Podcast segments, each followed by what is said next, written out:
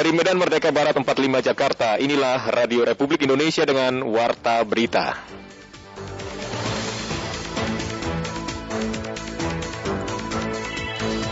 Untuk menyita uh, aset jaminan penanggung hutang dari PT Timur Putra Nasional itu tanah seluas 124 hektar lah ya, yang dulu dijaminkan oleh uh, Tommy Soeharto ke negara. Kita tadi hanya memperkirakan dari hasil kerusak, apa, kerusakan kendaraan kecepatan kendaraan adalah di atas 100 km per jam. Kalau sudah tenang akan kita lakukan pemeriksaan lebih lanjut.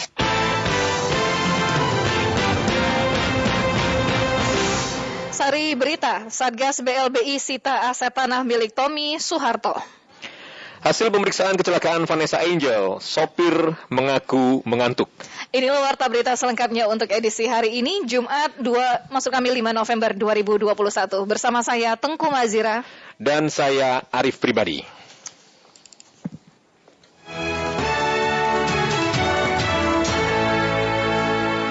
Pendengar mengawali warta berita untuk malam hari ini, kami hadirkan sekilas berita utama.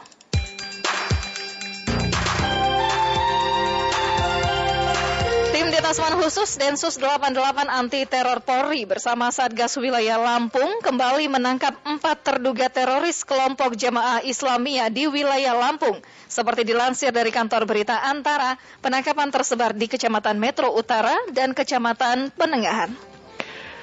Polisi menetapkan dua tersangka dalam kasus tewasnya Gilang Endi Saputra dalam kegiatan Diksar Menwa Universitas 11 Maret UNS Solo, Jawa Tengah. Organisasi Kesehatan Dunia menyebut Eropa kembali menjadi epicentrum COVID-19 dunia karena terjadi lonjakan kasus. WHO juga mengatakan penebaran vaksinasi tidak merata kendati pasokan vaksin melimpah.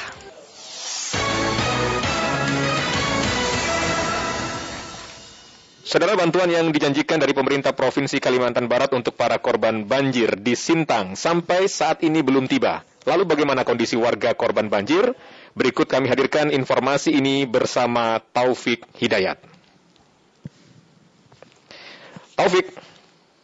Di salah satu lokasi pengungsian yaitu di SMK Muhammadiyah ini memang uh, kami melihat data tadi ada sekitar 22 uh, eh, jiwa pengungsi di ke sini dan memang uh, pengungsian ini jumlahnya di Sintang sendiri cukup banyak dan uh, banjir di Sintang saat ini sampai hari ini memang hampir menjangkau semua wilayah. Uh, untuk itu tadi pelaksana harian Bupati Sintang Yosefa Hasna melakukan rapat koordinasi lintas sektoral untuk uh, penanggulangan pengungsian bagi masyarakat yang terdampak banjir dan penentuan titik lokasi pengungsian harus ditetapkan dan dimonitoring oleh Satgas Dinas Sosial Badan Penanggulangan Bencana Daerah Kabupaten Sintang agar terus melaporkan uh, dan jumlah dapur umum juga harus dilaporkan. Karena memang sampai saat ini dapur-dapur umum yang dibangun oleh organisasi kemasyarakatan juga cukup banyak. Dan bantuan-bantuan bagi masyarakat juga yang didistribusikan memang harus uh, dilakukan secara merata dan uh, tentunya ada koordinasi tadi Satgas Komando Bencana uh, agar tetap bersinergi dan melakukan uh, komunikasi dengan baik uh, dalam melakukan pekerjaannya. Dan dalam uh, rapat koordinasi tadi juga uh, Sekda Sintang sempat mengungkapkan bahwa uh, menyinggung bantuan uh, dari bantuan beras terutama dari Gubernur Kalimantan Barat yang pekan lalu dijanjikan uh, sebanyak 80 ton belum uh, jelas keberadaannya atau belum tersalurkan. Ini uh, tadi disinggung oleh uh, Yosefa Hasna agar segera disepakati, uh, segera dikeluarkan jika memang sudah ada dan sampai saat ini belum memang belum ada informasi yang jelas terkait bantuan tersebut. Dan uh, saat ini uh, tadi juga kita sempat menanyakan bahwa di Bulog sendiri memang uh, ada beras, tapi apakah itu beras yang dijanjikan oleh Gubernur Kalimantan Barat atau bukan? Jumlahnya sekitar 150 ton dan ini juga tadi uh, Vel Bupati Sintang uh, menginstruksikan agar segera didistribusikan karena saat ini kondisi yang benar-benar uh, kondisi yang sangat kritis. Selain itu juga Yosep Hasnah jadi meminta Kepala Dinas Perindustrian, Perdagangan Koperasi dan UKM Kabupaten Sintang untuk uh, memonitoring dan melakukan langkah-langkah strategis untuk menghadapi hal-hal yang tidak diinginkan karena memang sejumlah akses jalan terutama dari provinsi saat ini sulit uh, dijangkau dan ada beberapa wilayah juga terutama di beberapa kecamatan yang saat ini terisolir. Untuk itu Disperindak Kabupaten Sintang untuk memantau sembako dan jangan sampai tidak ada stok dan harus segera dilakukan uh, rapat teknis bersama para agen dan distributor sembako di Sintang. Sementara sejumlah uh, toko retail uh, di Sintang juga saat ini terendam banjir dan beberapa di antaranya yang berada di kota Sintang uh, tutup. Artinya uh, sampai saat ini memang kondisinya juga uh, cukup mengkhawatirkan.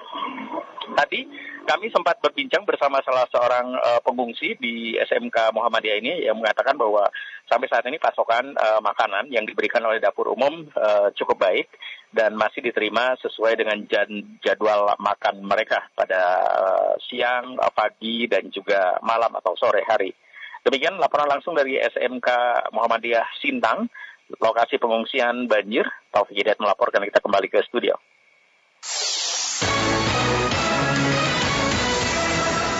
Satgas BLBI menyita aset tanah milik Hutomo Mandala alias Tommy Soeharto senilai 600 miliar rupiah. Penyitaan berdasarkan dokumen hukum yang dimiliki. Penegasan itu disampaikan oleh Menteri Koordinator Bidang Politik Hukum dan Keamanan Mahfud MD seperti yang diliput oleh reporter Alfred Stutter berikut ini. Ya Pak Menko, hari ini kita dapat informasi bahwa ada penyitaan Menteri Koordinator Bidang Politik Hukum dan Keamanan Menko Polhukam Mahfud MD di kantornya mengungkapkan, Satgas BLBI hari ini menyita aset PT Timur Putra Nasional, PTN yang tercatat sebagai salah satu obligor BLBI. Adapun asetnya berupa tanah seluas 124 hektar senilai kurang lebih 600 miliar rupiah yang berlokasi di kawasan industri Mandala Putra, Dawan Cikampek, Karawang, Jawa Barat. Aset PT TPN ini diketahui merupakan milik Hutomo Mandala Putra alias Tommy Soeharto. Mahfud memastikan pihaknya memiliki dokumen yang kuat dan akan segera melakukan balik nama terhadap aset yang disita ini. Ya betul, jadi eh, hari ini Satgas eh, mengirim tim dan aparat keamanan gitu ya untuk menyita eh, aset jaminan penanggung hutang dari PT Timur Putra Nasional. Itu tanah seluas eh, 123, sekian hektar, 124, 124 hektar lah ya. Yang dulu dijaminkan oleh eh, Tommy Soeharto ke negara. Tetapi ternyata e, itu masih disewakan. E, dan nyewanya ke itu itu juga. Sehingga sekarang kita sita dan akan segera dibalik namakan atas nama atas nama negara. Dan kita punya dokumen. Sementara itu, Ketua Satgas Penanganan Hak Tagih Negara Dana BLBI, Rional Silaban mengungkapkan, proses penyitaan berjalan lancar dan aman dengan melibatkan aparat setempat. Satgas menurutnya akan bekerja sama dengan pemerintah daerah dan kepolisian untuk melakukan pengawasan aset yang disita ini.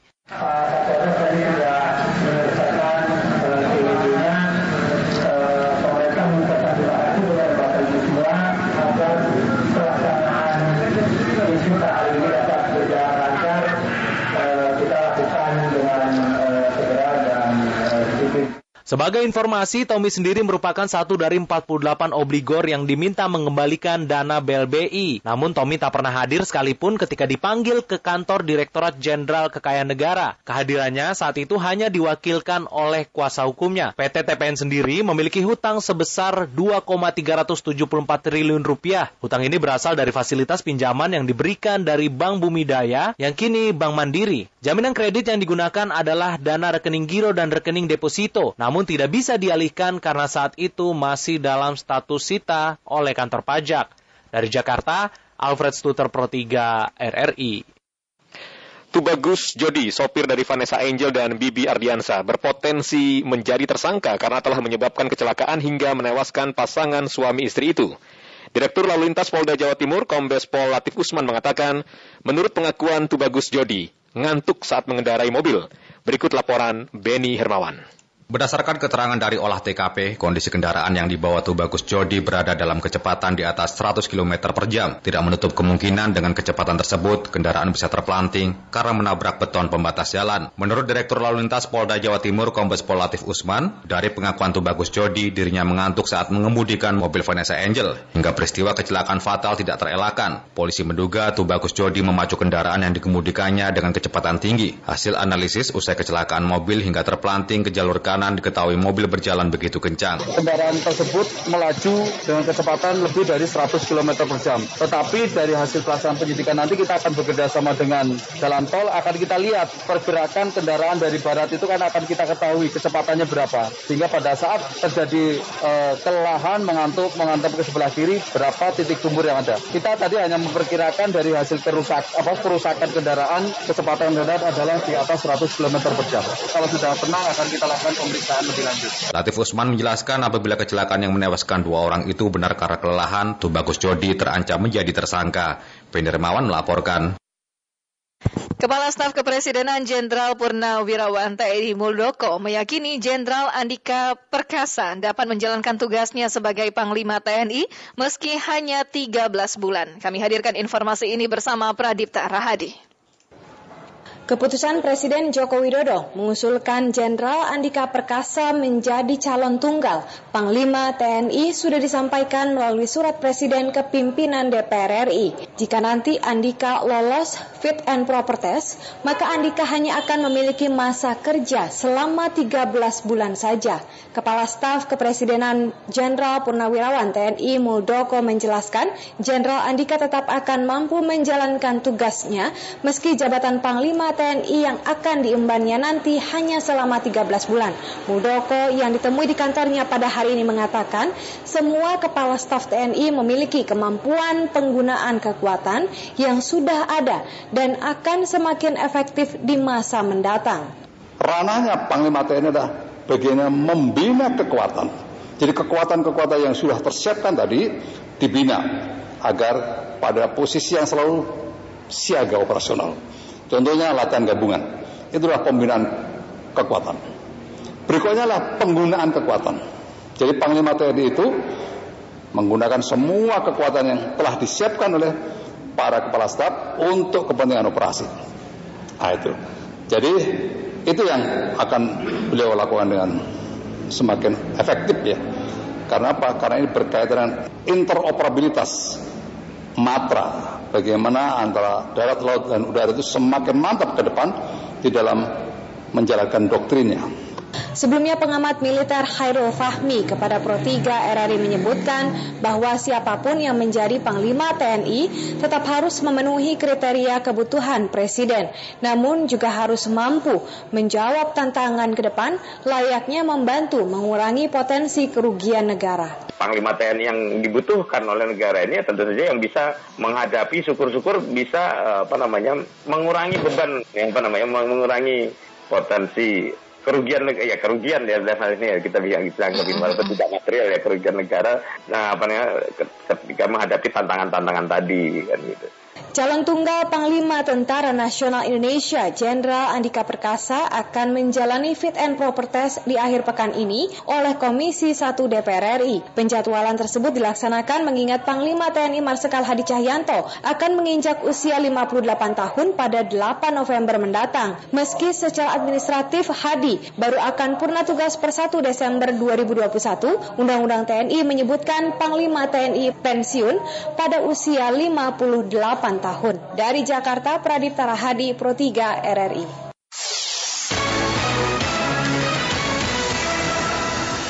Anda masih mendengarkan program 3 Radio Republik Indonesia. Wakil Presiden Republik Indonesia Maruf Amin membuka gelaran Pekan Paralimpik Nasional Peparnas 16 tahun 2021 di Stadion Mandala Jayapura.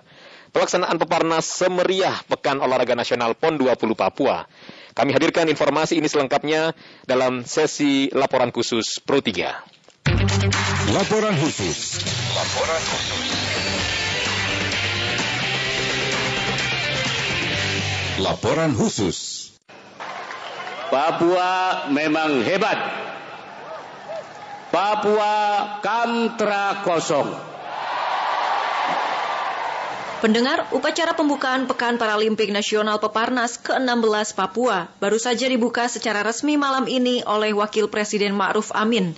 Hujan yang sempat mengguyur pun tak menyurutkan antusias masyarakat untuk mendatangi Stadion Mendala menjelang upacara pembukaan. Wapres yakin penyelenggaraan Peparnas tahun ini dapat sukses seperti PON 20 kemarin. Ia mengatakan gelaran Peparnas tahun ini merupakan ajang olahraga yang istimewa karena dengan digelarnya ajang Peparnas membuktikan semangat kesetaraan di tanah Papua.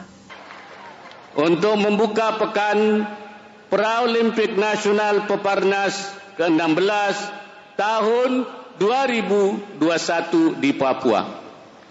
PON ke-20 yang lalu sukses luar biasa. Saya yakin Paralimpik ini pun akan sukses kembali.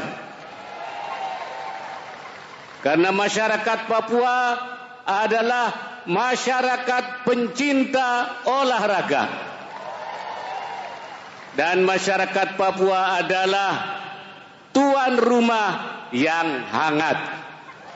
Sukses ini sekali lagi akan dicatat dalam sejarah yang akan selalu dikenang dalam hati seluruh rakyat Indonesia.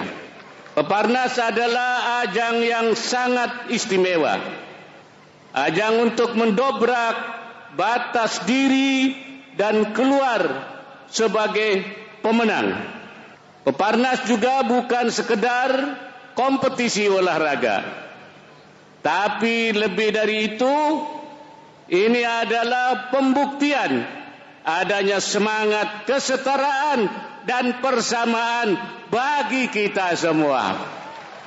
Mari kita rayakan kesetaraan ini dalam semangat persaudaraan sesama anak bangsa. Sesuai dengan semboyan sehati mencapai tujuan ciptakan prestasi. Dan ini merupakan pembuktian komitmen pemerintah untuk memberikan perlakuan yang sama bagi setiap warga negara. Papua memang hebat. Papua kamtra kosong.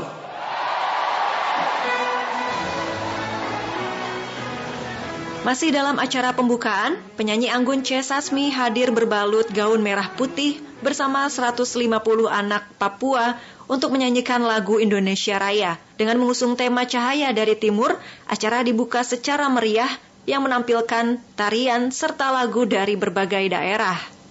Di sisi lain, Gubernur Papua Lukas NMB mengatakan bahwa Peparnas 16 membuktikan komitmen pemerintah dalam mewujudkan kesetaraan bagi penyandang disabilitas. Ketua Harian Panitia Besar Peparnas 16 Papua, Doren Wakerkua, memastikan Peparnas tahun ini akan sukses seperti PON 20. Doren berharap dukungan penuh dari masyarakat Papua dalam penyelenggaraan ini ia juga memastikan agar semua kegiatan Peparnas harus melalui protokol kesehatan yang ketat sesuai arahan pemerintah pusat dan pemerintah daerah Papua. Dan kami harap seluruh masyarakat Papua mendukung kegiatan ini dan mendoakan supaya Tuhan kasih cuaca yang baik, Tuhan kasih tanah ini penuh kedamaian, sukacita, penuh sejahtera. Artinya apa sebab saya bicara begitu supaya semua kontingen datang ke Papua ini setelah tiba di Sentani dia memiliki hati yang damai. Dia memiliki hati yang bersahabat. Dia memiliki hati yang persaudaraan penuh dengan kita di sini. Sehingga kita masyarakat Papua melayani kontingen datang sama dengan pelayanan yang dilakukan oleh PON. Berbeda dengan penyelenggaraan PON 20 bulan lalu, perhelatan Peparnas hanya berlangsung di Kabupaten dan Kota Jayapura. Peparnas 16 Papua diikuti oleh 1.985 atlet penyandang disabilitas dari 33 provinsi yang bersaing untuk meraih keping medali sebanyak mungkin. Ajang olahraga ini akan digelar pada 6 sampai 13 November 2021. Para atlet akan berlaga di 12 cabang olahraga. Di antaranya adalah angkat berat, atletik, bosya, bulu tangkis, catur, judo, menembak, serta panahan. Cabang olahraga lainnya adalah renang, sepak bola cerebral palsi, tenis lapangan kursi roda, dan tenis meja. Sementara itu mendengar bagaimana pantauan terkini di Stadion Mandala Jayapura pasca pembukaan Pak Pernas, maksud kami Pekan Paralimpiade Nasional 16 Papua 2021. Kita bergabung bersama dengan rekan Naldi di sana. Naldi. Iya, mendengar Radio Republik Indonesia. Saat ini saya akan melaporkan secara langsung uh, pembukaan seremonial Pekan Paralimpik Nasional Peparnas 16 Papua 2021 dan baru saja setelah usai memang uh, Wakil Presiden Kiai Haji Maruf Amin uh, membuka secara resmi Peparnas 16 Papua dan dipastikan juga bahwa nanti pada saat penutupan uh, Bapak Presiden Joko Widodo akan menutup uh, penyelenggaraan Peparnas 11 Papua. Dan ini pendengar dapat saya laporkan secara langsung bahwa di Stadion Mandala Kota Jayapura uh, masih uh, dilakukan dan antusias masyarakat yang ada saat ini masih terjadi meskipun di lapangan Mandala Kota Jayapura ini uh, di sedang saya sedang hujan, sedang terjadi hujan tapi antusias masyarakat maupun uh, peserta duta-duta olahraga kaum disabilitas Peparnas 16 Papua ini masih terus berjoget, bergembira bersama di tengah-tengah lapangan. Mereka terus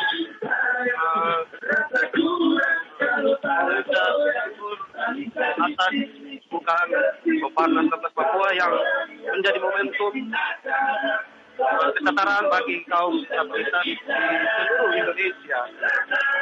Dan dengar dapat saya sampaikan juga bahwa ya, tidak henti-hentinya masyarakat maupun atlet-atlet disabilitas ini peserta dari 33 provinsi masih terus uh, menari di lapangan, uh, berjoget ria, bergembira bersama dengan seluruh provinsi, seluruh peserta-peserta daripada Peparnas 16 Papua 2021.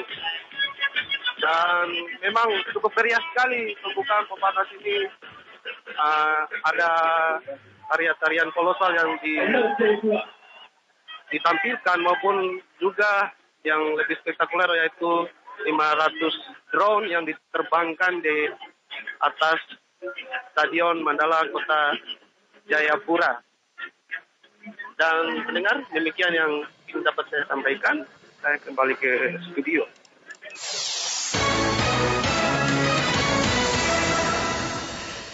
Direktur Pencegahan dan Pengendalian Penyakit Menular Langsung Kementerian Kesehatan Siti Nadia Tarmisi memastikan pengurangan masa karantina bagi perjalanan luar negeri menjadi tiga hari tidak akan mengurangi kualitas upaya antisipasi masuknya varian baru ke tanah air. Berikut laporan Rini Hairani. Tepat pukul 8.30 menit waktu Indonesia Barat, pesawat Garuda Indonesia 1 yang membawa Presiden Joko Widodo dan rombongan mendarat di Bandar Udara Internasional Soekarno-Hatta Tangerang, Banten, Jumat 5 November 2021. Tanpa penyambutan, Presiden Jokowi beserta rombongan pun langsung menjalani karantina selama tiga hari sesuai aturan yang berlaku. Seperti diketahui, pemerintah mengubah lama waktu karantina bagi pelaku perjalanan internasional dari lima hari menjadi tiga hari. Secara khusus, aturan karantina tiga hari ditujukan kepada pelaku perjalanan internasional, baik warga negara Indonesia dan warga negara asing yang sudah divaksin lengkap. Meski demikian, Direktur Pencegahan dan Pengendalian Penyakit Menular Langsung Kementerian Kesehatan Siti Nadia Tarmizi menegaskan, pengurangan masa karantina tak akan mengurangi kualitas upaya antisipasi masuknya varian jenis baru ke Indonesia. Kalau dia sudah mendapatkan vaksinasi lengkap, maka karantinanya bisa cukup dengan tiga hari. Tapi kemudian di hari pertama dan hari ketiga itu melakukan tes yang kita sebut entry dan exit test. Jadi mengapa ini uh, kita perhitungkan cukup? Karena mereka kan maksimum tiga hari sebelumnya sudah harus PCR. Sudah ada tiga hari itu kita bisa mendeteksi. Kemudian tiga hari itu melakukan karantina. Jadi kurang lebih 5 sampai 6 hari. Nah, 5-6 hari itu sudah cukup untuk melihat masa inkubasi dari virus. Karena inkubasi virus itu kurang lebih 4 sampai 6 hari sampai kita terdeteksi terdeteksi. Adanya perubahan aturan karantina, menurut juru bicara Satgas Penanganan COVID-19, Wiku Adi Sasmito, sudah mempertimbangkan masukan pakar. Tak hanya itu, teknis screening di lapangan juga menjadi pertimbangan. Pertama, pemeriksaan persyaratan dan screening kesehatan dasar di pintu kedatangan. Kedua, melakukan entry test atau tes ulang setelah kedatangan di pintu masuk. Yang ketiga, melakukan kewajiban karantina yang durasinya dibedakan antara yang sudah divaksin lengkap selama tiga hari dan yang belum divaksin lengkap selama lima hari. Dan yang keempat, melakukan exit test atau tes ulang kedua setelah kedatangan. Sebelumnya, Ketua Tim Penanganan COVID-19 dan Pemulihan Ekonomi Nasional Erlangga Hartarto mengatakan, Indonesia akan belajar dari kebijakan vaksin travel lane yang diberlakukan Thailand untuk meningkatkan pendapatan sektor pariwisata Indonesia. Kebijakan vaksin Traveland menurut Erlangga yang juga Menko Perekonomian adalah skema pembebasan kewajiban karantina bagi wisatawan yang sudah divaksin lengkap. Nah itu sudah berlaku sejak bulan Juli dan tentu ini menjadi pembelajaran bagi Indonesia dan di situ terlihat bahwa jumlah turis maupun devisa yang dihasilkan untuk masyarakat di sekitar itu itu meningkat. Sementara itu, epidemiolog Universitas Erlangga Windu Purnomo menilai seharusnya waktu karantina juga harus melihat masa inkubasi virus. Windu mengingatkan dengan pelonggaran masa karantina ini, jangan membuat kasus COVID khususnya varian baru meningkat di dalam negeri ada penyaringan atau dikasih negara mana yang di level 3 dan 4 yang seharusnya ditolak, sudah masuk level 1 2 yang boleh masuk ke Indonesia. Adapun ketentuan karantina terbaru termaktub dalam adendum surat edaran Satgas Covid-19 nomor 20 tahun 2021 tentang protokol kesehatan perjalanan internasional pada masa pandemi Covid-19 yang ditandatangani Ketua Satgas Penanganan Covid-19 Ganip Warsito tertanggal 2 November 2020.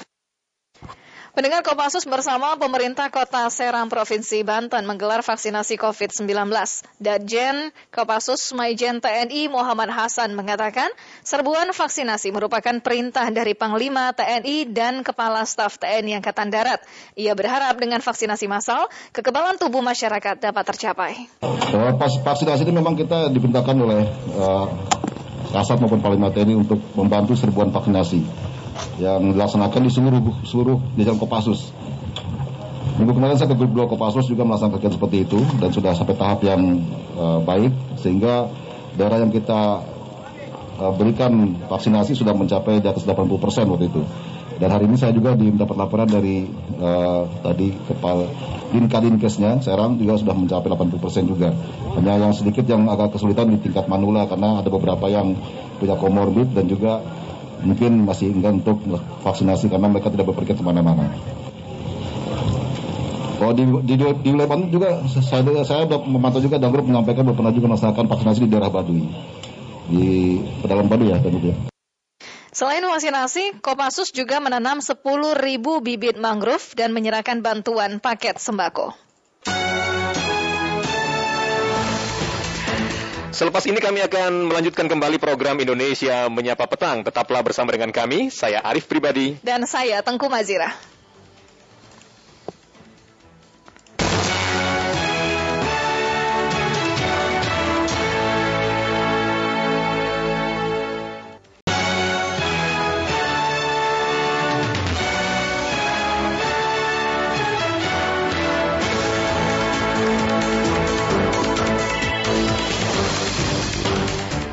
Selamat pagi pendengar dari lantai 7 Medan Merdeka Barat 4 dan 5 Jakarta. Inilah Radio Republik Indonesia dengan Warta Berita Pagi.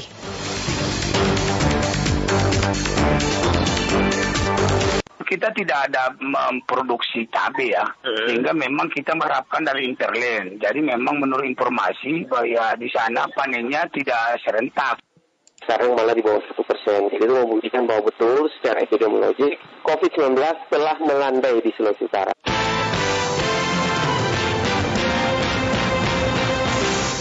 Sari berita pagi, harga cabai di sejumlah pasar tradisional kota Medan melonjak signifikan. Sementara masyarakat diminta untuk terus mewaspadai potensi munculnya gelombang ketiga pada penularan COVID-19. Inilah warta berita selengkapnya hari Jumat 5 November 2021 bersama saya Risti Rustarto.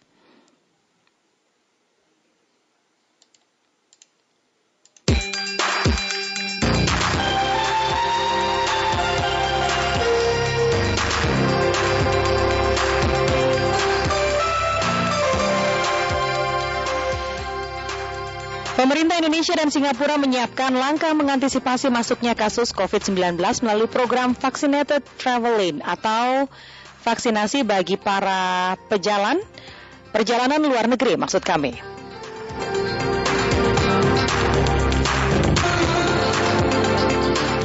Pelajar Indonesia binaan Badan Riset dan Inovasi Internasional atau BRIN berhasil meraih 11 medali yang terdiri dari 4 medali emas, 5 medali perak, dan 2 medali perunggu dalam ajang International Exhibition for Young Investor 2021.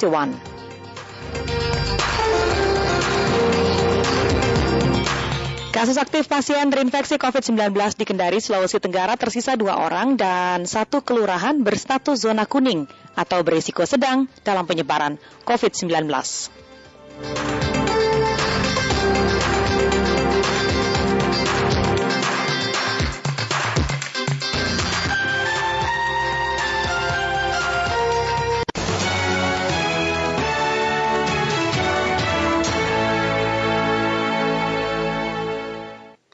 Informasi pertama datang dari sejumlah pasar tradisional di mana harga cabai merah di kota Medan, Sumatera Utara melonjak signifikan.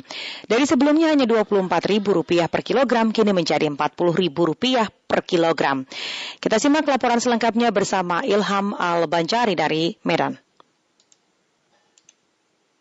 Cabai merah ini sebelum harga 40.000 berada di harga berapa ya kan? 24.000 Bang. Kenaikan terjadi sejak dua minggu terakhir. Harga pangan komoditas cabai merah di sejumlah pasar tradisional di Kota Medan Kamis 4 November melonjak naik signifikan.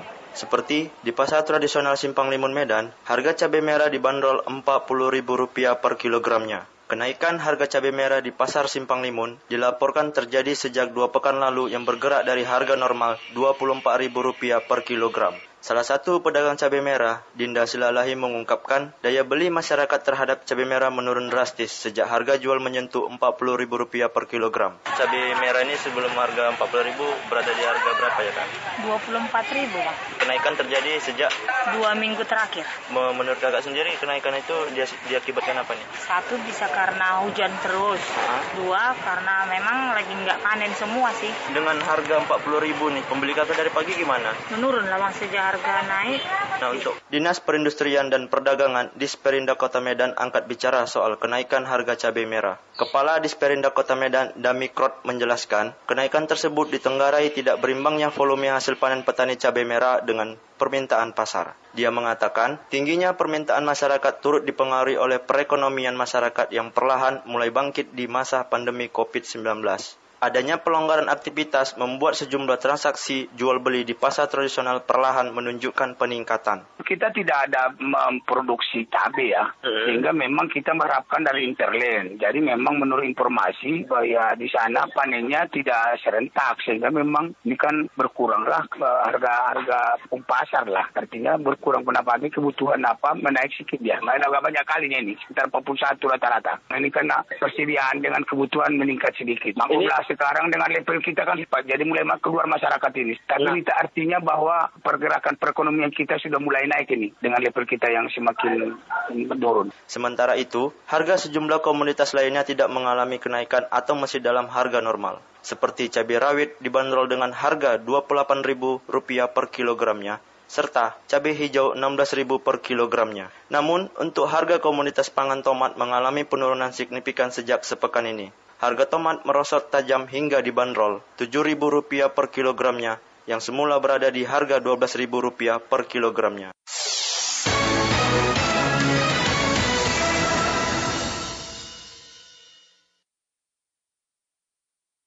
Meski kasus COVID-19 di tanah air termasuk Sulawesi Utara menunjukkan tren penurunan, namun masyarakat diminta untuk terus mewaspadai penularan COVID-19, utamanya di gelombang ketiga.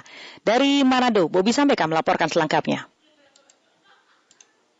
Sekarang malah di bawah satu persen. Jadi itu membuktikan bahwa betul secara epidemiologik COVID-19 telah melandai di Sulawesi Utara. Juru bicara Satgas COVID-19 Sulawesi Utara, Dr. Stephen Dandel mengatakan ada beberapa alasan melandainya COVID-19 di Sulawesi Utara, di antaranya kedisiplinan masyarakat dalam protokol kesehatan. Sekarang malah di bawah satu persen. Jadi itu membuktikan bahwa betul secara epidemiologik COVID-19 telah melandai di Sulawesi Utara. Kenapa dia melandai? Itu banyak alasannya. Yang pertama adalah uh, kedisiplinan masyarakat. Kita harus uh, memberikan apresiasi kepada masyarakat yang tetap patuh kepada protokol kesehatan. Poin yang kedua adalah uh, kemungkinan besar semakin banyak orang yang terpapar secara alamiah terinfeksi sehingga telah muncul kekebalan. Dan yang ketiga disebabkan karena uh, apa jumlah orang yang divaksinasi juga sudah cukup besar, terutama untuk dosis pertama. Melandainya COVID-19 di Sulawesi Utara, masyarakat diminta jangan takabur, namun tetap patuh pada protokol kesehatan. Nah, sehingga potensi-potensi adanya varian baru itu masih tetap cukup tinggi ketika berhadapan dengan virus RNA dan COVID-19 ini, SARS-CoV-2 ini kan virus ber, eh, berbase uh, variannya itu dari RNA Nah, kecuri, ketakutan, kemudian antisipasi adanya gelombang eh, ketiga di akhir tahun itu didasari oleh fakta bahwa virus ini e, begitu cepat bermutasi dan belum semua orang kemudian memiliki kekebalan alami. Masih ada komponen di dalam e, penduduk yang belum sama sekali uh, memiliki kekebalan baik itu kekebalan alamiah maupun kekebalan yang didapatkan oleh vaksinasi. Sementara itu Public Relation PT Angkasa Pura I Manado Yanti Pramono mengatakan pihak bandara maupun maskapai penerbangan secara bersama-sama terus menerapkan standar operasional prosedur SOP protokol kesehatan di Bandara Samratulangi. Sebetulnya masyarakat itu sebetulnya kan kalau tidak perlu kita kasih tahu mereka sudah mulai sadar akan adanya prokes. Toh. Yang kedua adalah sistem yang dipakai di penerbangan seperti yang diberitakan di media bahwa di pesawat sendiri itu kan udah ada sistem untuk antivirus juga. Jadi saya malah lebih sebenarnya aman sebenarnya kalau kita menggunakan pesawat udara. Jadi kita sudah mengantisipasi untuk itu. Yanti Pramono menambahkan untuk penumpang yang turun dari Bandara Samratulangi hingga saat ini masih dilakukan rapid antigen oleh petugas kesehatan dari Dinas Kesehatan Pemprov Sulsel Utara.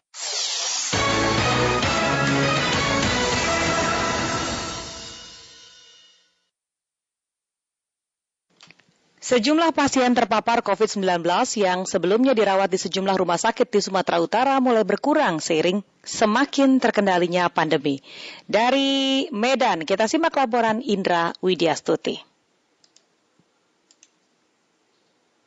Untuk pasien COVID-19 saat ini di Ada Malik itu sudah mengalami penurunan ya. Sempat kosong di hari Senin kemarin. Pandemi COVID-19 di Sumatera Utara yang semakin terkendali berdampak baik dengan semakin sedikitnya pasien yang dirawat di rumah sakit. Bahkan sejumlah rumah sakit pernah tidak mendapat pasien COVID-19 sama sekali. Seperti Rumah Sakit Umum Pusat Haji Ada Malik Medan.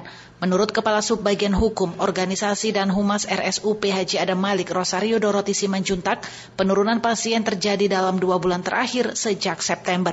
Bahkan pada Oktober, total pasien COVID-19 yang dirawat di rumah sakit rujukan COVID-19 nasional tersebut hanya 91 orang. Jumlah ini jauh menurun dibanding bulan Juli hingga Agustus yang sempat melonjak sekitar 500-an pasien dalam satu bulan. Bahkan menurut Rosa, pada 1 November 2021, rumah sakit milik Kementerian Kesehatan ini sama sekali tidak ada merawat pasien COVID-19 mulai September terus ke Oktober udah semakin menurun. Terakhir di Oktober kita hanya punya total satu bulan itu 91 pasien saja. Nah. November per tanggal 3 kita hanya punya 15 pasien COVID-19 dan yang dirawat di ruang ICU isolasi itu hanya dua pasien saja. Uh, sempat kosong di hari Senin kemarin kosong tidak ada pasien sama sekali. Penurunan signifikan juga dialami Rumah Sakit Umum Daerah Dr. Pirngadi Medan. Menurut Humas RSUD Dr. Pirngadi Medan Edison Perangin-Angin, penurunan drastis terjadi pada Oktober. Bahkan pada Oktober lalu, rumah sakit milik pemerintah Kota Medan ini tidak ada menerima pasien COVID-19.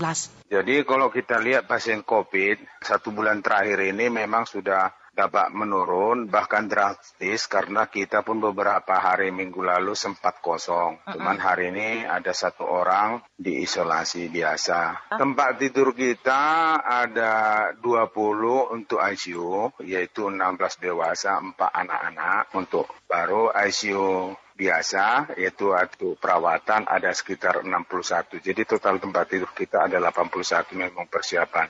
Terjadinya penurunan kasus COVID-19 di Sumatera Utara ditegaskan Gubernur Sumatera Utara Edi Rahmayadi. Konfirmasi saat ini di Sumatera Utara dapat dikatakan yang pernah terjadi di bulan Agustus yang lalu sampai 2004 kasus. Sembuh juga sudah bertambah hingga 96,99 persen. Ada. Meski kasus COVID-19 di Sumatera Utara semakin terkendali, namun ada beberapa kabupaten kota di Sumatera Utara yang menjadi perhatian Kapolri dan Panglima TNI karena kasusnya cenderung meningkat dalam beberapa hari terakhir.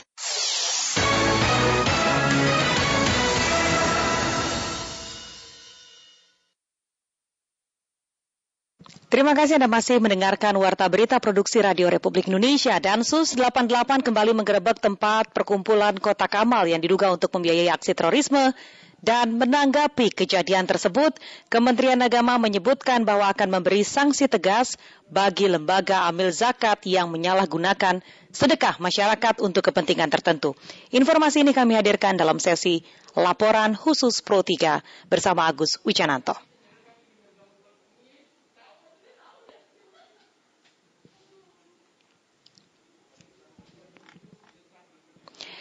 Namun informasi ini akan kami hadirkan sesaat lagi setelah informasi dari Semarang di mana Bupati Rembang meminta sekolah agar memfasilitasi orang tua siswa yang belum menerima vaksin.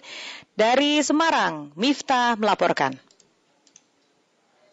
Kenapa kita orang tua anak ini supaya vaksin karena tidak menutup kemungkinan anak ini nanti bisa saja kena di rumah sehingga kalau dipakai sekolah ini juga berbahaya. Bupati Rembang Abdul Hafid terus berkeliling meninjau pembelajaran tatap muka di sejumlah sekolah pada Kamis 4 November 2021. Kini giliran wilayah Kecamatan Sedan dan Kecamatan Sale. Di setiap ruang kelas, Bupati Hafid meminta siswa agar orang tuanya yang belum tervaksin bisa disampaikan ke pihak sekolah agar bisa difasilitasi. Nantinya pihak puskesmas akan memvaksin wali murid di sekolah. Saya sampaikan pada anak-anak supaya uh, menyampaikan pada warganya, bapak ibu saudaranya yang belum vaksin, supaya bervaksin. Bisa difasilitasi dari sekolahan. Nanti tenaga kesehatan akan kita terjunkan ke masing-masing sekolah untuk memvaksin wali murid yang belum tervaksin. Bagi orang tua yang masih takut untuk vaksin, Bupati menegaskan tidak perlu khawatir karena petugas terlebih dulu melakukan screening apakah orang itu aman untuk divaksin atau tidak. Kepada pihak Puskesmas Saleh, Bupati juga mendorong capaian vaksinasi bisa mencapai 70% pada bulan ini. Sementara itu, Kepala Puskesmas Saleh, Dr. Tusnendi mengklaim vaksinasi di kecamatan yang berbatasan dengan Kabupaten Tuban, Jawa Timur itu berjalan lancar dan maksimal selama ketersediaan vaksin aman. Sampai Rabu kemarin, capaian vaksinasi di angka 61,6 persen. Kita sudah mendapatkan 61,6 persen sehingga dari 30 ribu tadi masih tersisa 2.520. Artinya kalau lancar satu hari kita ambil 250 misalnya maka dalam waktu 10 hari logikanya sudah selesai. Sejumlah sekolah yang ditinjau Bupati Hafid pada Kamis yaitu SD Negeri 1 Karasedan dan SMP Negeri 1 Sedan. Selanjutnya di Kecamatan Saleh yaitu di SMP Negeri 2 Saleh, SMA Negeri 1 Saleh, MTS Negeri 5 Rembang, dan MA Al-Azhar. Dari Rembang, Miftah melaporkan.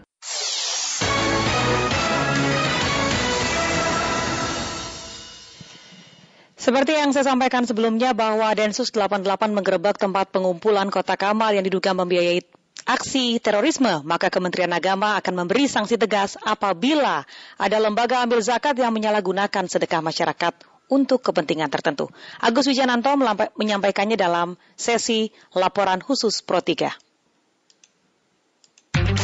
Laporan khusus. Laporan khusus. Laporan khusus.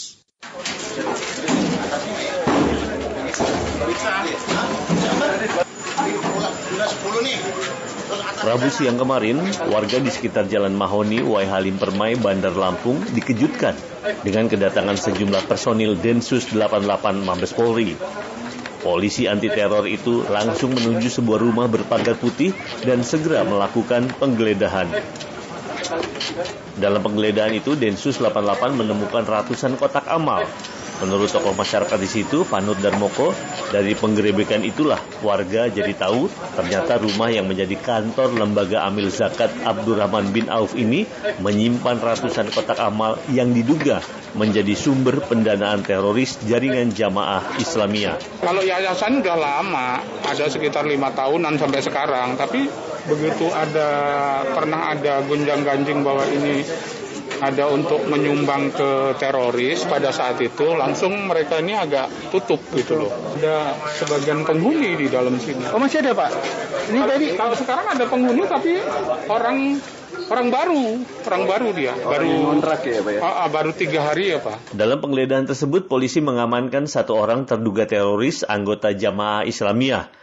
Kabak Penum di Humas Polri, Kombes Ahmad Ramadan menyebut penyebaran kotak amal itu diduga dilakukan untuk membiayai aksi terorisme. Program penggalangan dana tersebut ini merupakan sebuah kebutuhan organisasi JI yaitu pengkaderan atau menyiapkan kader-kader dari generasi JI ya. di mana program tersebut dinamakan jihad global. Jadi pengumpulan dana, kemudian dana itu terkumpul mengirim kader-kader untuk dikirim ke daerah-daerah konflik negara Syria, Irak, dan Afghanistan. Kasus penggerebekan penyalahgunaan kotak amal untuk mendanai aksi terorisme ini bukan yang pertama kali terjadi. Polisi juga sudah beberapa kali menangkap sekelompok orang di sejumlah daerah yang terlibat kasus ini. Beberapa waktu lalu, Dirjen Bimas Islam Kementerian Agama Kamarudin Amin juga pernah mengakui maraknya penyalahgunaan kotak amal untuk berbagai kepentingan. Memang juga banyak ya eh, lembaga-lembaga kita yang tidak resmi juga. Jadi eh, tidak resmi begitu, tidak mendapat izin, tapi tetap melaksanakan eh, pengumpulan-pengumpulan eh, seperti itu. Nah ini tentu tantangan kita uh, ke depannya. Oleh karena itu sekali lagi kita akan memperketat atau tidak mempermudah mengeluarkan izin untuk menge, uh, sebuah lembaga melaksanakan uh, kegiatan pengumpulan dan pembagian serta perdistribusian zakat, infak, dan sodakah. Kementerian Agama, kata Kamarudin, masih terus melakukan evaluasi terhadap keberadaan lembaga ambil zakat yang menarik dana di masyarakat. Dan bagi yang menyalahgunakan amanat masyarakat itu, kata dia, Kementerian Agama akan memberikan sanksi. Bagi lembaga amil zakat yang memang terbukti melanggar atau menyalahgunakan kewenangannya dan amanah yang diberikan kepadanya, maka tentu Kementerian Agama tidak segan-segan akan mengambil langkah tindakan sesuai dengan peraturan yang berlaku. Ini sedang kita evaluasi. Jadi saya kira uh, peristiwa ini juga menjadi pelajaran yang sangat berharga bagi kita semua, khususnya bagi Kementerian Agama juga bagi Basnas uh, baik nasional, provinsi maupun kabupaten kota untuk terus meningkatkan pengawasan, uh, meningkatkan kehati-hatian kita dalam melaksanakan atau mengelola ini. Adanya berbagai kasus penyalahgunaan kotak amal diharapkan tidak menyurutkan minat masyarakat untuk bersedekah. Oleh karena itu, harus ada langkah konkret untuk memperketat pengawasan terhadap kelompok maupun lembaga yang mengumpulkan dana masyarakat, baik lewat kotak amal maupun cara lainnya. Dari Jakarta, Agus Wijananto RRI Pro 3.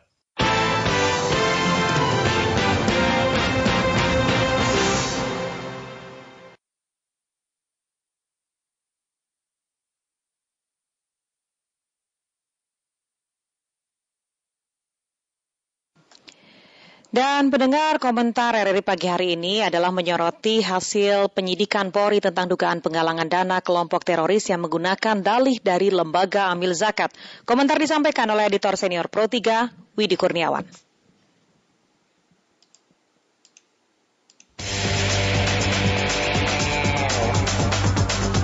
Editorial Pro 3 Selamat pagi pendengar penghimpunan dan penggalangan dana masyarakat belakangan ini memang sangat banyak di tengah masyarakat. Ada terkait donasi untuk anak yatim, ada donasi pembangunan rumah ibadah, ada untuk bantuan bencana alam, ada masalah kebakaran, ada juga untuk keperluan kesehatan dan beragam yang lainnya. Ramainya donasi itu sebenarnya menggambarkan bahwa orang Indonesia dinilai ramah dan dermawan. Sarana untuk berdonasi juga beragam. Ada yang diletakkan di minimarket, ada yang di kedai makanan, ada di kotak amal, ada di lokasi traffic light, dan ada yang menggunakan aplikasi serta rekening. Sayangnya, banyak pengelola donasi tidak transparan menyampaikan hasil yang diperoleh serta mekanisme dan penerima manfaat serta banyak yang tidak diaudit. Kondisi ini dimanfaatkan oleh kelompok tertentu dan salah satunya dimanfaatkan oleh kelompok teroris untuk keuntungan kelompok mereka. Salah satunya adalah lembaga amir zakat Abdurrahman bin Auf di Lampung yang berhasil diungkap oleh aparat kepolisian belum lama ini. Ada banyak kota amal ditemukan dan alokasi pengelolaan serta penyalurannya hanya diketahui oleh mereka sendiri. Ternyata lembaga ambil zakat itu pun dianggap tidak legal. Kondisi ini jelas mengkhawatirkan. Dalam penelusuran Merdeka dulu pernah juga diungkap sekitar akhir tahun 2020 dengan ketuanya FS. Polisi tampaknya perlu terus melakukan penyelidikan dan pengungkapan sampai tuntas. Sedangkan bagi masyarakat yang akan berderma diimbau untuk memberikan donasi hanya melalui lembaga legal dan terdaftar serta diaudit. Kemuliaan hati para dermawan di tanah air tidak boleh dimanfaatkan untuk kepentingan oknum-oknum tertentu, apalagi itu untuk kepentingan pribadi dan kelompok teroris. Demikian komentar, selamat pagi.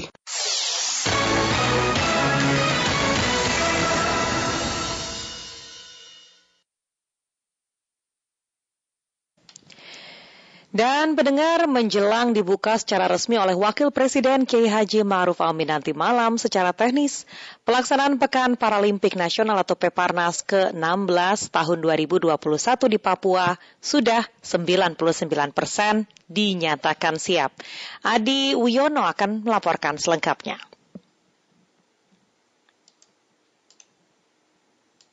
Kita mempunyai tema yaitu cahaya kemenangan dari timur Papua. Artinya bahwa dari Papua lah cahaya ini akan ke seluruh Indonesia dan juga ke dunia. Seperti itu.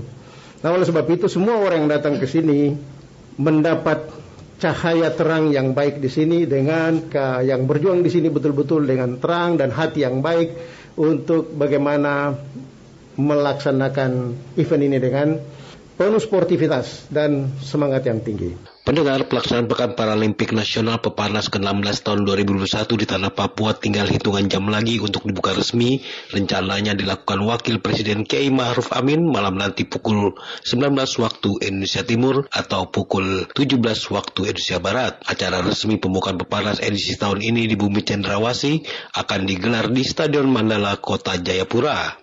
Ketua Bidang Upacara Peparnas ke-16 Papua William Robertson Manderi di Jayapura menyatakan pelaksanaan Peparnas ke-16 ini berkaca dari gelaran Pekan Olahraga Nasional PON ke-20 sebelumnya yang dinilai telah dilaksanakan secara sukses. Beberapa rangkaian pelaksanaan Peparnas untuk pendahulu sebelum dilakukan pembukaan secara resmi malam nanti telah dilakukan mulai dari pengambilan api Peparnas serta kirap obor hingga jelang disulut nanti pada kaldron Peparnas di Stadion Mandala. Dari sejumlah rangkaian itu secara teknis, kini gelaran Peparnas hanya tinggal dilaksanakan, ungkap William Robertson.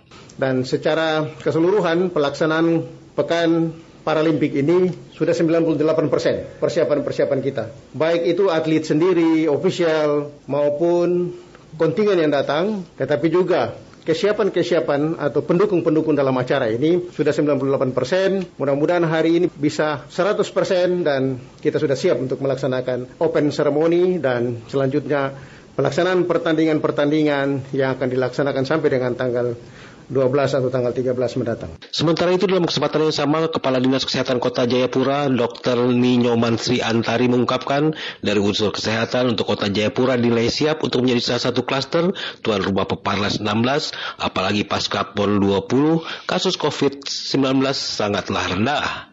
Kita berhasil kemarin di uh, menghadapi PON. Uh, walaupun ada kasus kemarin diprediksi pasca PON kita akan kasusnya meledak ya baik di masyarakat. Tapi kalau kami membandingkan kasus di atlet 83 untuk Kota Jayapura ya dan sudah sembuh semuanya. Jadi perbedaan antara atlet yang kena dengan masyarakat kecepatan sembuhnya ya karena daya tahan tubuh tentunya jadi benar selama ini berolahraga itu penting ya. Ternyata begitu atlet kena sembuh dan untuk kasus atlet di Kota Jayapura sudah nol, ya sudah sembuh semua. Ninyoman Sri Antari juga berharap untuk pelaksanaan peparnas untuk protokol kesehatan sudah pasti tetap maksimal dilakukan dan meminta baik atlet, ofisial, unsur kepanitiaan maupun masyarakat yang ingin menyaksikan pertandingan tidak melupakan standar-standar yang telah ditetapkan oleh Satgas COVID-19. Peparnas ke-16 tahun 2021 di Papua akan diikuti sekitar 3.609 atlet dari 33 provinsi mempertandingkan 12 cabang olahraga berlangsung di kota dan kabupaten Jayapura. Sedangkan 12 cabang olahraga yang dipertandingkan yakni angkat berat, atletik, boccia, bulu tangkis, catur, judo, menembak, panahan, renang, sepak bola, cerebral palsi, tenis lapangan kursi roda, dan tenis meja. Kedua belas cabang olahraga itu memainkan 640 nomor pertandingan dengan memperebutkan 861 medali emas, 861 perak, dan 1090 medali perunggu berlangsung hingga 13 November mendatang.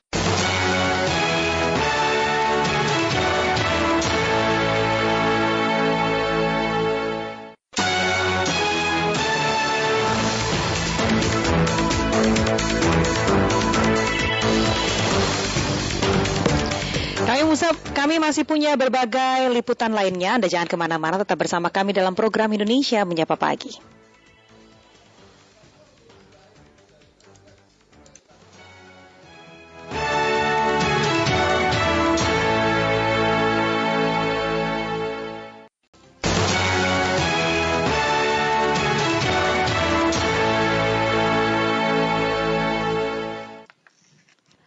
Pendengar polisi dibantu relawan evakuasi warga yang melintasi jalan lintas Melawi, Sintang, Provinsi Kalimantan Barat menyusul banjir yang semakin tinggi. Nanti, nanti kami akan hadirkan bagaimanakah situasi terkini bersama dengan reporter kami ada Taufik Hidayat. Nanti kami juga akan pantau bagaimanakah dengan situasi terkini banjir yang ada di wilayah Batu, Malang, Jawa Timur. Nah kami akan memantau terlebih dahulu ya Gandhi yeah. ke wilayah uh, Sintang. Ada reporter kami Taufik Hidayat. Taufik, bagaimanakah situasi terkini banjir di sana? Ya, yang jelas saat ini saya berada di posko kesehatan penanganan banjir Urkes uh, Polres Sintang yang bekerja sama dengan Dinas Kesehatan uh, Kabupaten Sintang. Uh, untuk penanganan banjir saat ini memang uh, sulit uh, dilakukan penanganan. Yang jelas uh, menyelamatkan uh, jiwa dulu itu itu yang penting. Di mana memang uh, untuk jalur-jalur evakuasi saat ini memang agak sedikit sulit, terutama untuk di jalur di jalan lintas uh, Melawi ini. Dan uh, saya uh, dari tadi pagi sudah berada di sini dan melihat bagaimana uh, kesibukan warga Sintang untuk uh, melakukan uh, evakuasi uh, karena jalan ini terputus. Padahal ini jalan yang sangat penting, yaitu jalan uh, nasional yang menghubungkan dua kota yang ada di Kabupaten Sintang. Tapi yang lebih penting uh, adalah uh, seberapa besar atau seberapa banyak uh, pasien yang sedang sakit saat ini juga uh, memerlukan uh, bantuan karena di beberapa puskesmas yang ada di luar kota Sintang di beberapa kecamatan juga kondisinya uh, saat ini sedang sulit. Uh, saat ini juga uh, kami uh, memantau bagaimana kondisi uh, para pasien yang ada beberapa di antaranya juga uh, di, uh, di sengaja dievakuasi ke posko ini karena untuk uh, sampai uh, mendapatkan pertolongan. Saat ini saya bersama Nes Asni Firmania, Eskap uh, dari Dinas Kesehatan Kabupaten Citang. Bu, sudah apa yang sudah dilakukan kita untuk mengevakuasi terutama para pasien yang uh, sakit yang ter, yang terjebak banjir?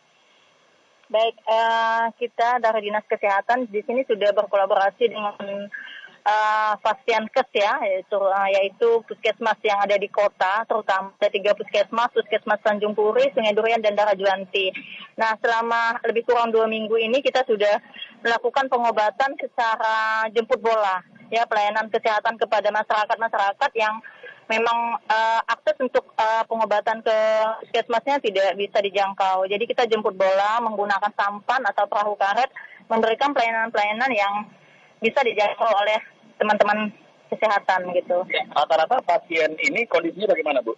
eh, rata-rata pasien itu dengan keluhan ada nyeri perutnya atau dispepsia namanya ya, kemudian ada mah atau gastritis, nyeri sendi, kemudian ada juga hipertensi, ada batuk pilek yang paling banyak batuk pilek, kemudian demam, eh, kemudian ada juga ini ya kolesterol yang meningkat dan tadi kita juga sudah evakuasi pasien dengan eh, gagal ginjal kronik, kemudian ada juga pasien abortus serta pasien dengan ini stroke ya itu tiga.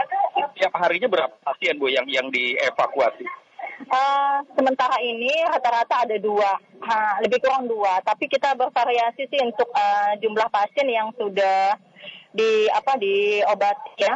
Di sini ada catatan untuk puskesmas Tanjung Puri itu ada 52 orang selama lebih kurang satu minggu yang sakit. Dan kemudian puskesmas Saudara Juanti ada 32, puskesmas Sungai Durian ada 74. Itu pelayanan yang dengan jemput bola, bukan di puskesmasnya. Jadi teman-teman TRC dengan PSC yang langsung mendatangi uh, daerah yang terdampak banjir. Itu ke rumah-rumah warga Bu ya? Iya, ke rumah-rumah warga yang terdampak banjir. Ya, fasilitas kesehatan sendiri uh, saat ini bagaimana kondisinya Bu? Kita untuk paskes ya tersedia uh, uh, mulai dari obat-obatan, alhamdulillah uh, ini ya uh, penuh ya, alhamdulillah penuh. Kita juga dapat bantuan dari Dinas Kesehatan Provinsi, kemudian uh, mobil PSC 119 kita standby, oke okay, ya, selalu untuk mengakomodir itu. Cuman satu masalahnya adalah kita kekurangan perahu karet. Tapi dalam hal ini kita bermitra dengan Basarnas, dengan TNI, sama Polres untuk mengakomodir itu supaya pelayanan kesehatan itu tetap diberikan secara maksimal. Baik, terima kasih Bu Asni. Selamat bekerja kembali. Sama-sama. Ya, uh, pendengar itulah tadi uh, wawancara kami bersama Ibu Asni Firmania yang merupakan uh, perwakilan dari dinas kesehatan yang melakukan evakuasi pada korban-korban bencana banjir yang memang uh, saat ini keadaannya sakit dan jemput di rumah dan dibawa ke fasilitas kesehatan. Sementara beberapa fasilitas kesehatan juga yang kami katakan tadi bahwa di beberapa kecamatan juga kondisinya juga tidak terlalu baik. Beberapanya juga uh, terendam banjir. Demikian dari kawasan Simpang 5 uh, eh, Kota Sintang, Taufik Hidayat melaporkan kita kembali ke studio. Ya, sementara itu berdasarkan hasil rapat koordinasi penanggulangan bencana, pemerintah Kabupaten Sintang telah menetapkan 12 titik lokasi pengungsian.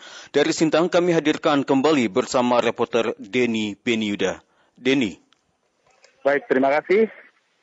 Betul sekali baru saja uh, dilaksanakan rapat koordinasi Pemda Sintang bersama dengan stakeholder dalam menanggapi tanggap bencana banjir Kabupaten Sintang yang melanda di seluruh kecamatan Kabupaten Sintang. Ada 14 kecamatan dan uh, tadi di uh, rapat koordinasi tersebut diputuskan bahwa libur untuk sekolah uh, baik itu sekolah dasar, SMP maupun SMA di Kabupaten Sintang ditetapkan mulai hari ini hingga 13 November ke depan. Dan berdasarkan uh, keputusan tadi ditetapkan ada 12 titik sekolah-sekolah yang tidak terkena banjir untuk dijadikan titik uh, mengungsi warga-warga yang terdampak banjir. Walaupun seperti itu, di uh, swadaya masyarakat sendiri, setidaknya tadi uh, Camat Sintang, Siti Musrika menyatakan bahwa sudah ada 23 titik pengungsi yang uh, ada dan terdata oleh uh, Camat Sintang. Dan tadi juga di dalam rapat koordinasi, uh, PLH Bupati Sintang, Yosef Hasnah, memastikan bahwa stok beras bisa uh, mencukupi untuk 8 hingga 10 hari ke depan dan ini juga dibenarkan tadi oleh Kepala Dinas uh, Distriandakop dan UKM Kabupaten Sintang kemudian memastikan bahwa harga-harga di Kabupaten Sintang akan stabil sehingga pasokan untuk uh, dapur umum maupun untuk warga yang tidak terdampak banjir tetap bisa disuplai oleh uh, Dinas Kabupaten Sintang. Dan menurut yang disampaikan di dalam rapat koordinasi tadi bahwa uh, masih ada 350 ton uh, beras yang disediakan dan masih ada di stok Bulog Kabupaten Sintang sehingga bisa mencukupi kebutuhan masyarakat Kabupaten Sintang. Dan memang tadi juga hadir dari pihak Pertamina memastikan bahwa stok LPG dan juga stok untuk bahan bakar tidak akan terpengaruh oleh banjir ini karena sudah disediakan sistem yang bisa untuk mengcover masalah-masalah seperti ini. Dan memang tadi juga permintaan dari PLH Bupati Sintang kepada uh, para stakeholder yang hadir, terutama juga dari uh, PDAM Sintang, untuk menyediakan air bersih, memastikan air ketersediaan air bersih, terutama untuk lokasi-lokasi pengungsian. Demikian dari Sintang Kalimantan Barat, Dian Beni sudah melaporkan. Kembali ke studio.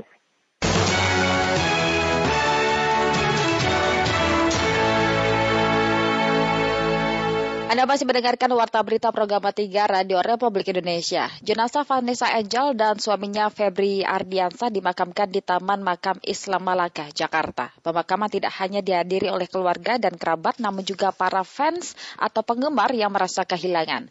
Kami hadirkan informasi ini bersama dengan reporter kami ada Lukman Tara berikut ini.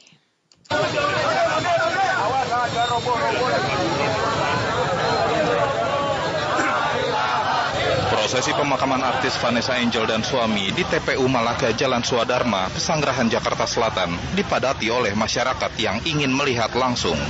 Bahkan aparat kepolisian yang berjaga di lokasi kewalahan mengatur kerumunan dan kendaraan yang terparkir sembarangan. Meskipun hujan mengguyur lokasi pemakaman, antusias warga untuk melihat langsung prosesi pemakaman tetap tinggi. Mereka rela kehujanan demi terakhir kali melihat sang artis yang diidolakannya itu masuk dalam keliang lahat.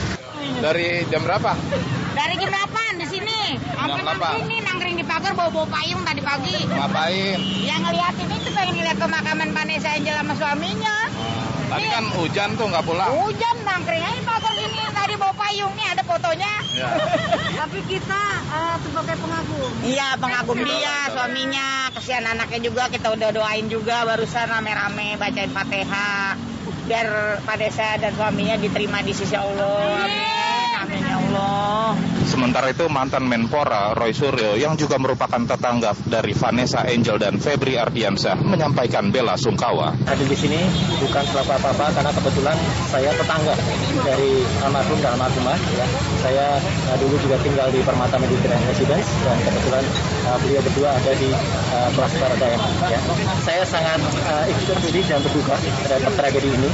Tapi sekali lagi selaku tetangga dari almarhum dan almarhumah, ya uh, almarhum Febri dan juga almarhumah Vanessa uh, Angel, saya uh, menyampaikan turut duka cita yang sangat mendalam, terutama untuk keluarga. Namun sayangnya, prosesi pemakaman usai meninggalkan PR bagi petugas pemakaman. Bahrudin, petugas pemakaman menuturkan butuh waktu tiga hari untuk memperbaiki makam di sekitar yang rusak akibat terinjak-injak oleh masyarakat yang berdesakan melihat pemakaman. Berapa hari itu beresin pemakaman yang sekitar-sekitar itu? Ya paling mana tiga hari kurangnya kalau udah kering. Tiga hari. Iya. Banyak yang rusak tadi ya? Iya.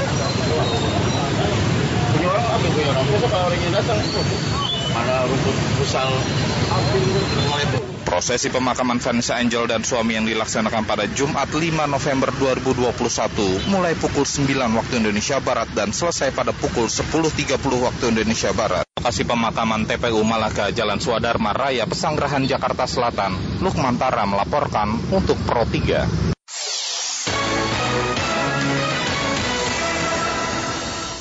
Tim Densus 88 anti teror mengamankan terduga teroris di Kabupaten Pringsewu, Lampung. Diamankan pula 400 kotak amal yang diduga untuk mendanai kegiatan terorisme.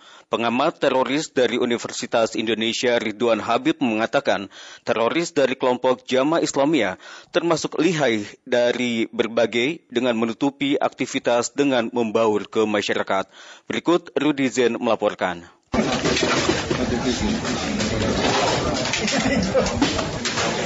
Detasemen khusus atau Densus 88 anti teror Polri kembali mengamankan sebanyak 400 kotak amal di Kabupaten Pringsewu, Lampung. Ratusan kotak amal ini merupakan hasil pengembangan dari penangkapan teroris di Lampung.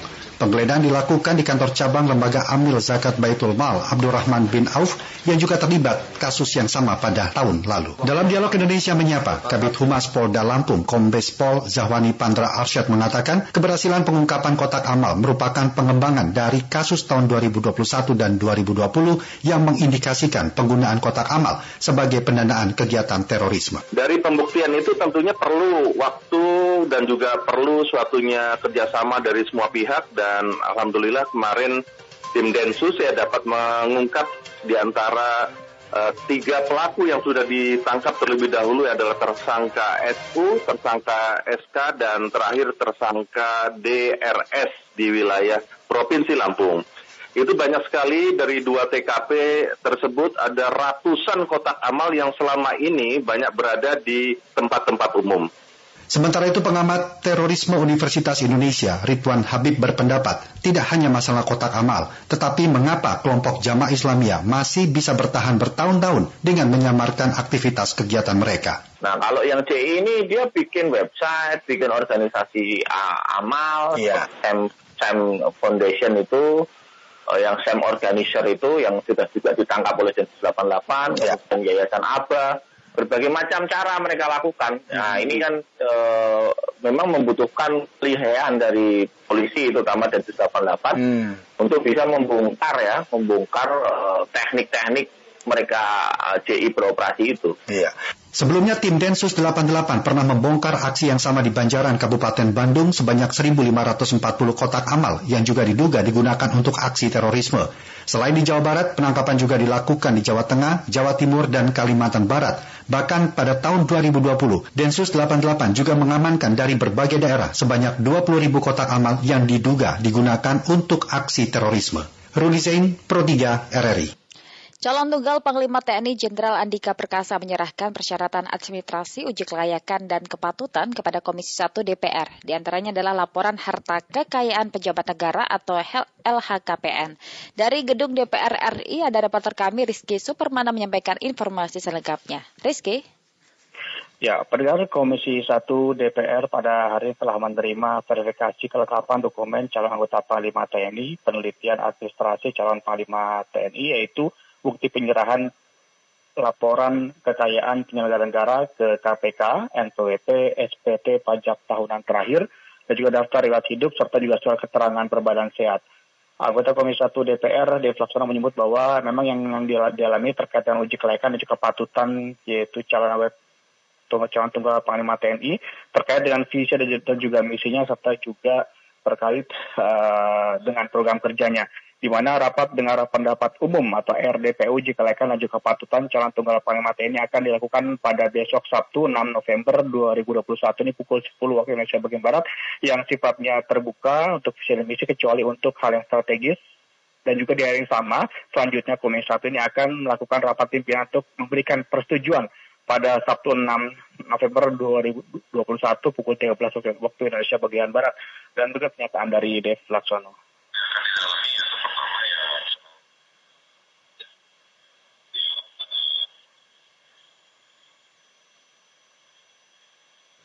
Ya, Rizky. Dan pendengar juga uh, pada Senin 8 November 2021 juga akan dilakukan uh, rapat paripurna. Keputusan rapat pimpinan ini akan diserahkan kepada pimpinan DPR yang juga akan menetapkan apakah uh, diberikan surat langsung ke Presiden uh, terkait dengan hasil daripada uji kelayakan dan kepatutan.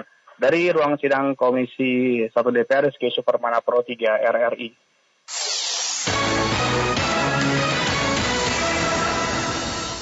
Juru bicara Satgas Penanganan COVID-19 Profesor Wigu Adhisa Smito meminta masyarakat untuk segera mendatangi sentra vaksin terdekat dan meminta pemerintah daerah untuk tidak menunda vaksinasi. Berikut Pradipta Rahdi melaporkan.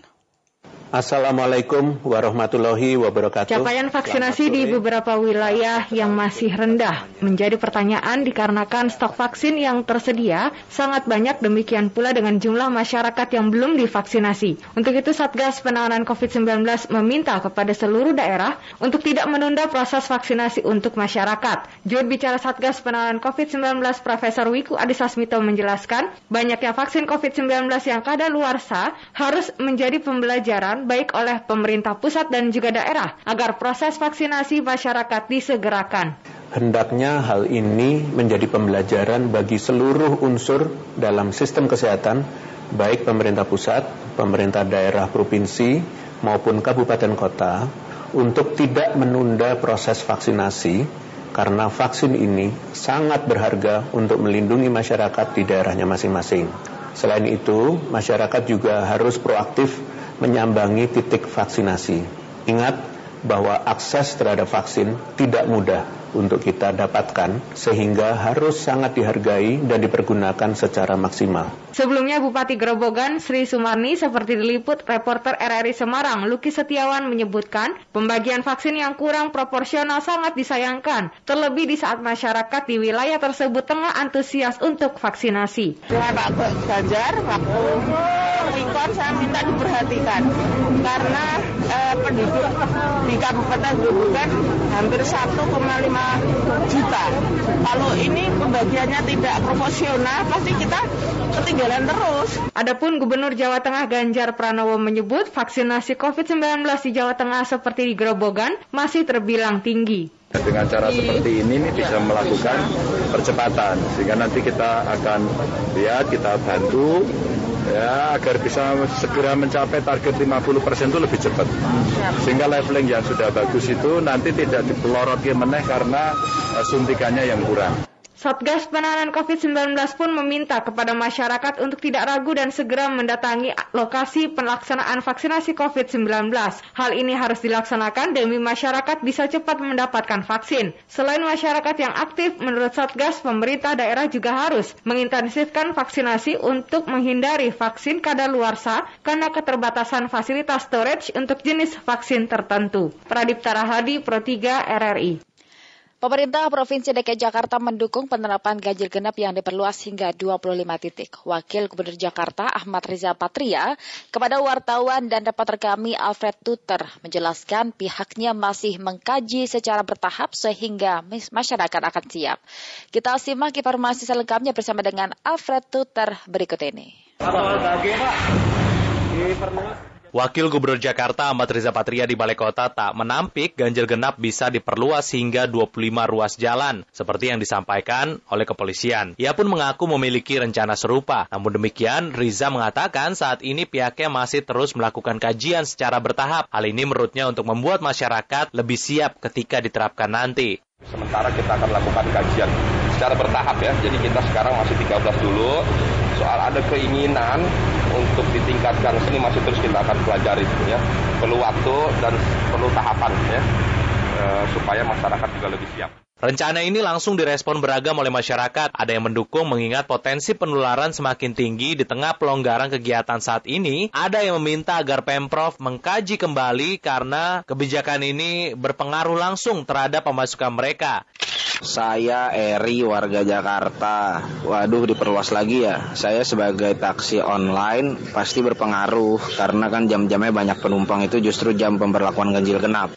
Saya Roy, warga Jakarta. Saya setuju bagi diperluas karena saya lihat pada PPKM level 1 ini macet sudah di mana-mana sehingga berpotensi menyebarkan virus Rencana perluasan GAGE menjadi 25 ruas jalan ini diwacanakan oleh kepolisian. Ketika diberlakukan artinya jumlah ruas jalan yang menerapkan GAGE akan kembali seperti sebelum pandemi COVID-19. Adapun perluasan GAGE ini merujuk pada peraturan gubernur nomor 88 tahun 2019 yang mengatur GAGE pada 25 ruas jalan. Dari Jakarta, Alfred Stuter Pro 3 RRI.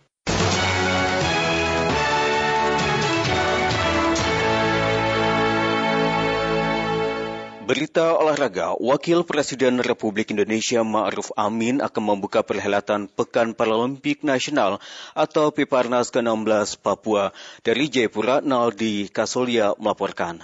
Pendengar tinggal menghitung jam lagi perhelatan olahraga terbesar bagi kaum penyandang disabilitas Pekan Paralimpik Nasional atau Peparnas 16 tahun 2021 di bumi Cendrawasih Papua akan dibuka secara resmi oleh Wakil Presiden Kiai Haji Maruf Amin di lapangan sepak bola Stadion Mandala Kota Jayapura. Opening seremonial Peparnas akan disuguhkan 500 drone yang mengudara tampilkan keindahan tanah Papua. Selain 500 drone, pembukanya akan menampilkan tarian kolosal bernuansa lima wilayah adat serta musisi-musisi tanah air dan lokal asli Papua. Malam baku dapa atau gala diner di Gedung Negara menjadi momentum keramahan dan kehangatan serta kesiapan tuan rumah Papua dalam menyambut duta-duta olahraga 33 provinsi se-Indonesia. Gubernur Papua Lukas NMB yang juga selaku Ketua Panitia Besar Peparnas 16 Papua memberikan wejangan untuk menjadikan Papua sebagai rumah yang penuh kedamaian dan persaudaraan dalam satu kebinekaan yang harmonis. Tidak lupa bendera kontingen sudah dikibarkan yang juga menandakan telah siap untuk digelarnya pelaksanaan Peparnas 16 Papua. Hanya saja kontingen Sulawesi Barat tidak ikut serta dikarenakan belum adanya kepengurusan Nasional Paralimpik Komite. Hal itu disampaikan Ketua Harian PB Peparnas Doren Wakerkwa kepada RRI. Dan kami harap seluruh masyarakat Papua mendukung kegiatan ini dan mendoakan supaya Tuhan kasih cuaca yang baik, Tuhan kasih tanah ini penuh kedamaian, sukacita,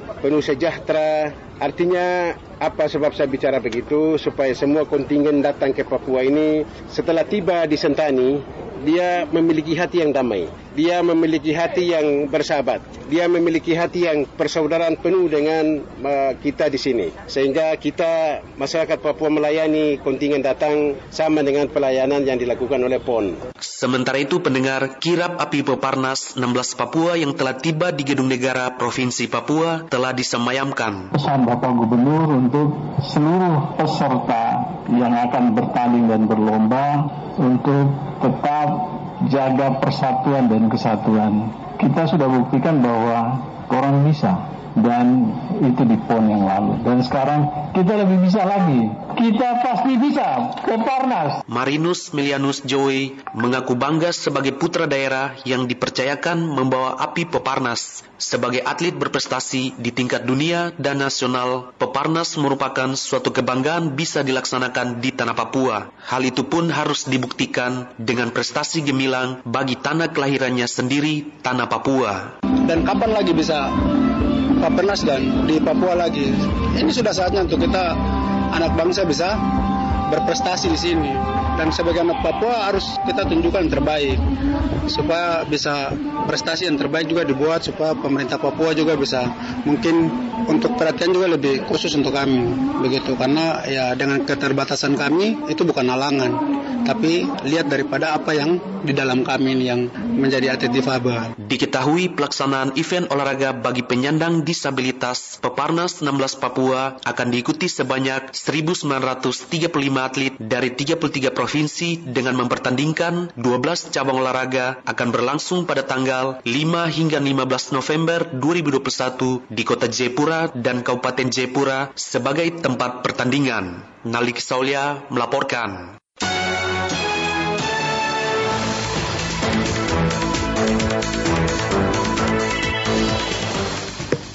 Ya, selepas ini kami akan menghadirkan kembali program Indonesia Menyapa Siang. Saya, saya adalah Kusumadan. Saya Sugandi Avandi. Selamat siang.